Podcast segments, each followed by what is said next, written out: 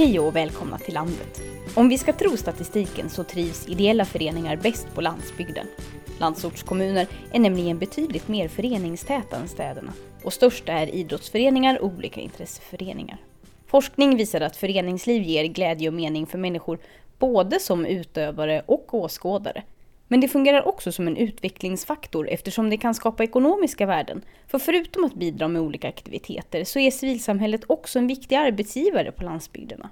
Idag ska vi fokusera på idrottsrörelsens betydelse för svensk landsbygdsutveckling. Och med mig har jag representanter från Landsbygdsnätverkets arbetsgrupper och de två största sporterna, ridsporten och fotbollen. Ingmar Harm och jag är Svenska fotbollsförbundets representant i Landsbygdsnätverkets styrgrupp. Anders Bengtsson sitter med i arbetsgruppen för integration. Mårten Andersson är med i den unga gruppen i landsbygdsutveckling. Precis, och alla ni tre är också knutna till eh, fotbollförbundet. Och så har vi ridsportförbundet med oss också. Ja, Totta Wikström och jag jobbar på Dalarnas ridsportförbund som distriktskonsulent. Hur bidrar idrotten generellt till landsbygdsutveckling? Ja, idrotten eh, det tillhör ju civilsamhället tycker jag. Och eh, civilsamhället har en stor funktion på landsbygden.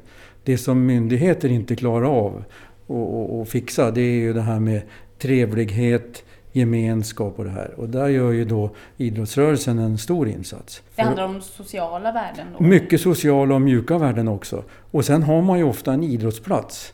Och idrottsplatsen blir på något sätt ett centrum i en liten ort, en samlingspunkt. Framförallt för ungdomar, men även för äldre. Och Ger det arbetstillfällen? I viss mån kan det göra det. För att en väl fungerande förening har ju ofta eh, någon halvtidskonsulent eller kanske en heltid om det är tillräckligt stora. Och det är ju ett arbetstillfälle. Sen så genererar det ju ofta lite försäljningar och så till föreningen men det måste ju också levereras från någon annan runt omkring så att eh, det bygger ju på utöver det Ingvar säger, är det med folkhälsoperspektivet är jätteviktigt. Men det är också så att många av de här landsbygdsföreningarna står för arrangemang och event som skapar trivsel, skapar gemenskap, men också intäkter till landsbygden.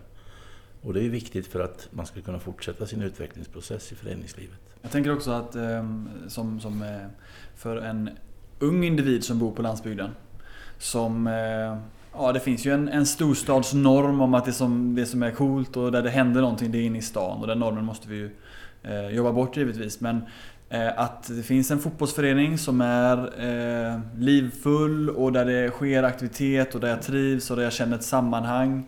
Eh, det är jätteviktigt. Att jag faktiskt väljer att stanna på landsbygden för jag ska ju lira liksom med min klubb. Klart jag lirar med min klubb och nu får jag ju liksom jobba här, bo här, leva här och skapa ett underbart liv här. Att man inte lockas av eh, den här bilden av att det är i stan allt händer utan att föreningslivet bidrar till att behålla de unga i landsbygden. Ja, just precis. Det mm. tror jag verkligen. Ja, många exempel på det. På landsbygden så ökade ju rid och hästföreningarna med hela 47 procent i den senaste mätningen ni gjorde mellan 2003 och 2010. Mm. Vilka positiva effekter har ridsporten på landsbygderna, Totta? Ja, förutom det som redan fotbollen pratar om, de med mjuka värdena, så är ju ridsporten lite unik på det viset att de föreningar vi har har ju också i regel anställd personal både på dag och kvällstid. Så det blir ju dagtid och kvällstid. förutom ridutbildningen som man bedriver så är det också en ungdomsgård. Man har kafeterior som är bemannade och liksom en samlingsplats för både vuxna och, och ungdomar. En tydlig arbetsmarknads... Ja, ja det är, jag skulle kunna säga att mellan, vi har ju 40 ridklubbar här i, i Dalarna, eller föreningar ska vi säga. Ungefär 30 av dem har ju anställd personal. Mellan en och, och tre stycken. Mårten, du, du som sitter med i arbetsgruppen för unga här på Landsbygdsnätverket. Vad skulle du vilja säga att idrotten har för betydelse ur ert unga perspektiv? Mm. Nej, men jag, kan, jag kan ta ett, eh, ett konkret exempel hemifrån där jag är uppväxt då på, på den halländska landsbygden. Där eh, gjordes det en stor investering för ett antal år sedan eh, på nästan 13 miljoner då de byggde två nya gräsplaner och eh, helt nytt klubbhus, eh, omklädningsrum och gjorde detta tillsammans med ett par andra idrotter eh, så att det är en skidskytteanläggning på samma eh, anläggning. Och eh, deras herrlag då, eh, som ja, här och här, det är ju förhållandevis unga grabbar, eh, så liksom i 16 till, till 22 23 års åldern. De gick upp en division i år Eh, och det, jag tror det till viss del hänger ihop med att det var en anläggningssatsning där som gjorde att grabbarna kände att nu jävlar händer det någonting här ute i klubben igen. Det är alltså flertalet av de grabbarna som tidigare har flyttat in till stan i samband med att de gick på gymnasiet. Som nu har flyttat tillbaks och bor i Ätran, bor i Ullared, bor i trakterna runt omkring där. För att de vill lira med Ätran, de vill inte pendla så långt. De pendlar hellre till jobbet än att pendla från jobbet till träningen. Jag skulle säga att fotbollen är en mycket viktig bidragande faktor till att de väljer att stanna på landsbygden. Just ridsporten är ju en sån sport också som man kan ägna sig åt från det att man är fem sex år till det att man ja, faller död ner. Och många återvänder ju när man liksom kanske har bott i Stockholm ett antal år och jobbat och sådär så återvänder man till i vårt fall här då Dalarna till sitt hembygd då, och liksom trycket på gårdar och hästgårdar blir ju större och större och man kommer tillbaka och sen börjar barnen rida och så. Generellt tror jag ändå man kan säga att föreningslojalitet och klubbkänsla åtminstone de jämförelser jag har gjort så är det nästan alltid starkare på landsbygden än vad det är i den stora stan. Att man känner med hjärtat på ett annat sätt för sin bygd och för sin förening. Och det är väl det som gör att många då lockas att flytta tillbaka just till sin hembygd. Mm, och det är den positivt. där lojaliteten bär man med sig även under, under år mm, som man är borta. Precis, precis. Fotboll och ridsport är ju inte så vana vid att samarbeta med varandra och sådär. Skulle samarbeta mellan fler idrottsföreningar kunna ge ännu mer resultat? Jag tror absolut. Alltså samverkan är ju alltid av godo. Så kan man hitta samverkan över idrottsgränserna eller över föreningsgränserna så, så skulle vi säkert kunna nå ännu längre. Det är jag helt övertygad om. Mm. Hur tror ni att sådana samarbeten, hur skulle de kunna se ut? Jag har ett exempel. Uh, och det är uh, Torsö, en ö utanför Mariestad är det va? I Vänern. I Vänern ja, precis. Eh, där har de slått ihop bygdegårdsföreningen med fotbollsföreningen. För att de såg det att det var dels att det satt samma folk i styrelserna för respektive förening då, vilket säkert är vanligt. Engagerat folk engagerar sig mer. Men också att man såg det att ni har en bra lokal, vi, vi har fester, vi har utbildningar. Det är många tillfällen vi behöver en fin, fin lokal och det är precis vad ni sitter med. Så då slår de ihop dem. Så den heter väl T-BIF nu då. Bygdegård och idrottsförening. Eh, om jag kommer ihåg rätt då. Det, är inte det enda exemplet. Det finns fler bygdegård och, och fotbollsföreningar i, landet. Och jag tror att eh, idrottsrörelsen behöver jobba med de här eh, gränsöverskridande samarbetena. Alltså att jobba och samarbeta ännu mer med alltså, kulturen, med ja, bygdegårdsorganiseringen och ja, alla tänkbara sammanhang för att verkligen liksom krydda erbjudandet så att man känner att jävlar, det här måste jag bara med i. Liksom. Ridsporten har ju, kanske inte just med fotboll då, men många gånger är det ju, vi har ju ridhus i regel som är både uppvärmda och, och så. Så att brukshundsklubbar är ju väldigt aktiva och tar plats där och, och får plats också då. Eh, och även har vi ett samarbete med Modern Fängkamp som faktiskt har träningar och eh, läger på vår klubb i Gagnef, då, eller Mockfjällligan och saker. Men det är oerhört viktigt att föreningar på landsbygden och de är ofta väldigt öppna för nya aktiviteter. Kommer det medlemmar som säger att vi skulle vilja börja med det här och det här så är ofta föreningsstyrelserna positiva. Ja men visst, sätt igång, vi stöttar er. Men skulle man komma till en genuin fotbollsklubb i stan så är de ofta specialiserade på just bara sin fotboll. Det är svårare att komma in med en helt ny verksamhet som medlem i den föreningen än vad vi har på landsbygden. Där, där måste vi vara öppna för. Vi verkar ju inte bara för våra medlemmar utan vi verkar ju ofta för alla invånare på orten. Mm. då måste vi också lyssna vad är alla invånare på orten eller på byg i bygden vill ha. Så lyhördhet är viktigt för landsbygdsföreningen. Om det är någon idrott i Sverige som är duktiga på att engagera unga så är det Ridsportsförbundet med mm. ja, exempel då där man i princip alltid har eh, varit någon form av ledare när du lämnar ridsporten. Alltså du, du, du, är, du är väl lägerledare redan som 12-åring i princip. Ja, och det har vi ju inte inom fotbollen, vi har ju, den traditionen. Vi har ju ett väl utbyggt ledarutbildningsprogram. Och ridsporten har, är man ungdomsrepresentant där eller har en ungdomssektion, då är man ungdom. Eh, jag vet inte hur det är i, i fotbollen, men jag vet i hockeyn där vi också har varit lite aktiva, där är ju ungdomssektionen, det är ju vuxna människor som sitter i ungdomssektionen. Och så är det ju inte i, inom ridsporten. Och man har ju påvisat ganska väl att man tar fram bra och duktiga ledare inom ridsport. Det finns väldigt mycket forskning på det.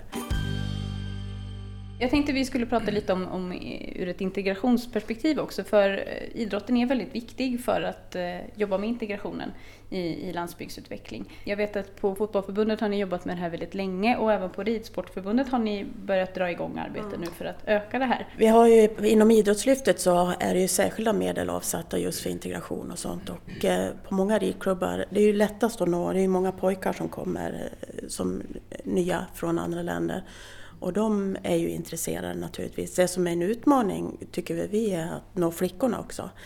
En utmaning här är ju att det är ju billigare att sparka en boll än att rida på ridskola.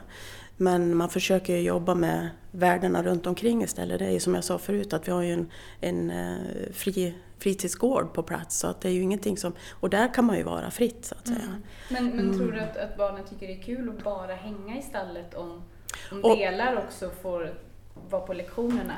Om man har en vettig verksamhet så har man ju det. Och det är ju inte bara alltså, integrationen som, utan det är ju många andra grupper som inte heller har möjlighet att, att ta del av ridningen eftersom den är trots allt mer kostsam än, än eh, att delta i ett lag till exempel. Men det är ju en utmaning. Man skulle ju vilja på något vis hitta en, ett eh, sätt att eh, åtminstone introducera med mindre medel. Och det kanske då idrottslyftsmedlen kan hjälpa till med. De enskilda föreningarna har ju svårt att gå in med egna medel. Det är ju som alltid en, en balansgång det där med ekonomin och verksamheten och så.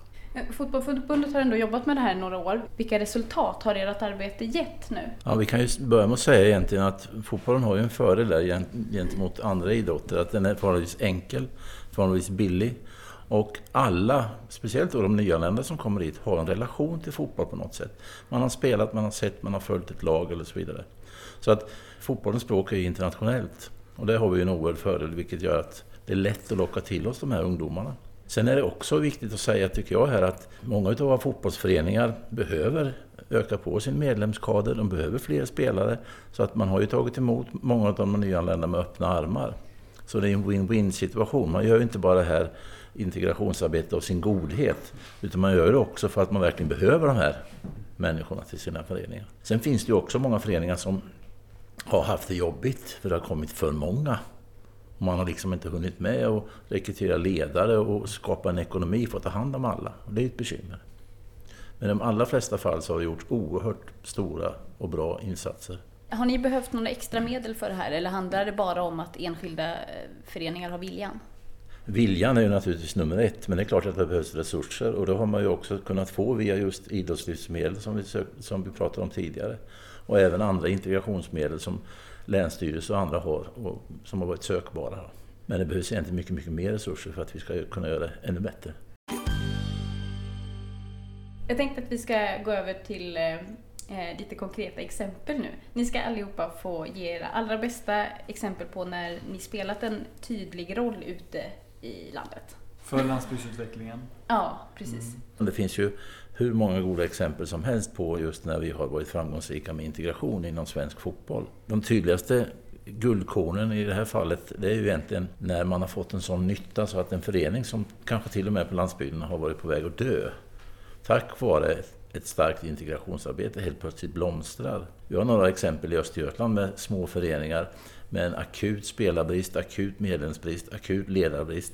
Som helt plötsligt då insåg att ja, men nu har vi chansen. Nu kommer det nyanlända på ett HVB-hem alldeles i närheten. Vi tar kontakt och försöker få med dem i vår verksamhet. Och helt plötsligt så har man då både ett A-lag och ett B-lag.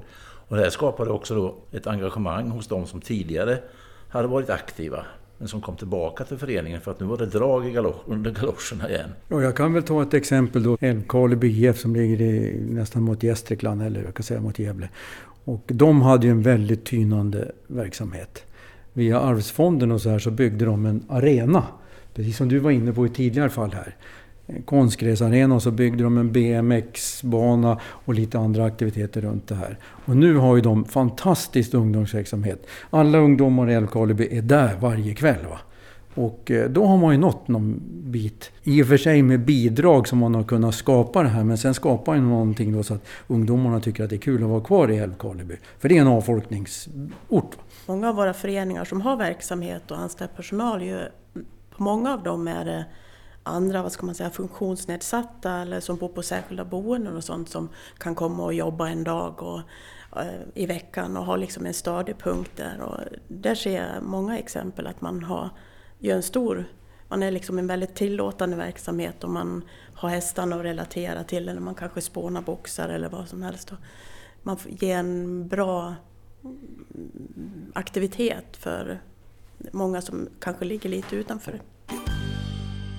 Jag har ett par exempel i, i huvudet. Eh, Visingsö AIS har gjort eh, bra resor. Samma sak med Visby, eller IFK Visby. Också gjort eh, häftig resa där de har eh, kombinerat flera idrotter och, och jobbat mycket tillsammans med skolan. Men det jag kanske vill skicka med ifrån, eh, eller till lyssnarna här av podden, det är väl att eh, jag tror jag kan tala för ridsporten också, att vi är väldigt öppna för att andra former av föreningar och, och civilsamhället liksom kontaktar oss och pratar om hur vi kan nyttja den stora mängden av medlemmar vi har till att eh, ja, hjälpa dem till att och, och hjälpas åt till att skapa ny eh, verksamhet, eh, utveckla landsbygden. Liksom. Att vi, ja, vi kanske har fullt upp med våra, våra grejer och jobbar hårt med det och vi är väldigt eh, fotbollstokiga i, i vårt fall då. Men vi vill väldigt gärna samarbeta med andra. Att inte tveka liksom och ta kontakt. Får jag komma med ett riktigt udda eh, exempel? Alstermo IF heter de i Småland. De driver en vårdcentral. För på den orten så skulle vårdcentralen läggas ner för de fick inte ta på några läkare. Och det bodde 800 där eller vad det var. Men de tyckte inte om det där. Eh, så att via idrottsföreningen så skapade de en vårdcentral. Och de fick en anställd läkare på en gång. Och jag tror de hade 16 eller 1700 tecknade i, i, i, Man får ju teckna sig på de där. Och det är lite udda av en idrottsförening som dels spelar handboll, fotboll, springer och sen har man en vårdcentral. Sen finns det också några här uppe i Hälsingland som har eh, driver eh, campingstugor och det gör ju ni också. Va? Men, men, men de har väldigt mycket som, som man tycker inte ska vara idrottsföreningar utan det ska vara affärsverksamhet. Men som idrottsföreningar har tagit över för ingen vill hålla på med det. Fast det här är ju någonting som vi försöker stimulera inom Svenska Fotbollförbundet egentligen. Att jobba med entreprenörskap i förening. Mm. För att, eh, det var ju länge sedan vi såg en riktig stegring av kommunala och statliga bidrag till de här föreningarna. Utan de måste så att säga förstärka sin ekonomi genom att jobba entreprenöriellt och hitta nya intäkter. Och då kan det vara allt ifrån att driva vandrarhem och driva kiosker, driva minigolfbanor och camping och allt vad det är. Alltså det gör man ju med, med det syftet att skapa resurser till sin verksamhet. Men det genererar ju också sysselsättning och arbetstillfällen. Får man säga så här, jag tycker det är lite synd att myndigheterna, och då säger jag kommuner, landsting och, och regioner, de ser inte riktigt vikten av det här civilsamhällets nyttan av civilsamhället i landsbygdsutveckling. Utan de tror nog att de kan göra lite så här och så skickar vi lite pengar och så blir de tysta. Men det måste ju vara någon som tar hand om det som jag börjar med, de här mjuka bitarna. Att få människor att ha en aktiv fritid. För annars vill väl ingen bo, bo på ett, en liten ort om man inte har någonting roligt att göra på kvällarna. Som ungdom framför allt. Där ser man väl att man har en utmaning inom ridsporten många gånger för att kommunerna tänker många gånger inte på när de bygger cykelvägar och gångvägar och sånt där på gamla, vad ska man säga, ridvägar ut i skogen som då blockerar, blockerar utfart från ridskolorna. Så att där skulle man ju önska att kommunerna tänker till lite mer när de tänker planerar liksom, eh, ja, logistiken kring olika anläggningar. Avslutningsvis, eh, om ni helt kort skulle kunna ge era bästa tips till alla de organisationer som jobbar ute i våra landsbygder. Vad, vad skulle ni vilja säga till dem? Och till alla andra organisationer så tycker jag att man ska... Vi startade ju upp 2006 med en central ifrån Svenska fotbollsförbundet, arbetsgrupp för landsbygdsfrågor. För att i organisationer är det så att om inte toppen är med då kommer det aldrig att nå ut till botten heller. Och jag tycker att det är väl nästan bara fotbollen som har haft den konstruktionen. Det tror jag var en styrka i fotbollen. Att man börjar där uppe och sen försöker få ner det. Den här organisationen som vi har här med, med Landsbygdsnätverket, där flera organisationer träffas och uh, utbyter erfarenheter och delar med sig av sina egna goda exempel och så vidare. Den formen att jobba måste vi få ner på regional och lokal nivå också. Alltså vi skulle kunna i mitt hemlän Östergötland samla ihop alla de här eh, aktörerna som jobbar med landsbygdsfrågor eh, vid några tillfällen och utbyta erfarenheter på regional nivå. Precis som man kan göra på, varje på kommunal nivå. Alltså vi måste bli bättre på att samverka över gränserna. Det är väl mitt tips då. Från eh, mitt eh, eh förhållandevis unga perspektiv då och hur man kan göra för att behålla eh, unga eh, på landsbygden och, och, att de bidrar till att utveckla svensk landsbygd så eh, eh man måste våga fråga och man liksom gör sitt eh, rekryteringsarbete. Liksom. Det är precis som när man ska rekrytera folk till, till en arbetsplats. Alltså, du måste ut och söka, du måste marknadsföra dig, du måste liksom bygga ditt varumärke. Så att Eh, eh våga fråga de unga och ja, sätt in stolar i de beslutande rummen helt enkelt. Alltså har vi sju stolar, sätt in en åttonde stol då och den är avsedd för en person eh, med eh, ungt perspektiv. Då kommer vi få ett ungt perspektiv på landsbygdsutvecklingen. Men ungt perspektiv har ju Ingmar och jag också. Hur jo, tänkte, jo. Hur tänkte du nu? det har ni. Mm. Och det är ju så det fungerar inom ridsporten, att det finns alltid en, en ungdomsrepresentant oavsett vilken nivå man är om man är på en klubbnivå eller distriktsnivå eller förbundsnivå. Men eh, rent allmänt eh, så tror jag att eh, bästa tipset för föreningar är det att vara öppen för nya, nya grepp så att säga. Det är så lätt att fastna i, i traditioner och så har vi gjort i alla tider. Jag menar världen förändras och samhället förändras så att eh, man är öppen för att, att hitta eh, nya saker att göra och hitta nya målgrupper. Samhällsföreningar som driver vårdcentral, modern femkamp i ridhusen och gemensamma kanslier. Ja, det finns många sätt att få ut maximalt av föreningslivet på små orter. Jag som producerat heter Ida Lindhagen och vill du veta mer om landet, podden bortom storstan, så leta rätt på oss i sociala medier. Eller gå in på landsbygdsnätverket.se. Vi hörs!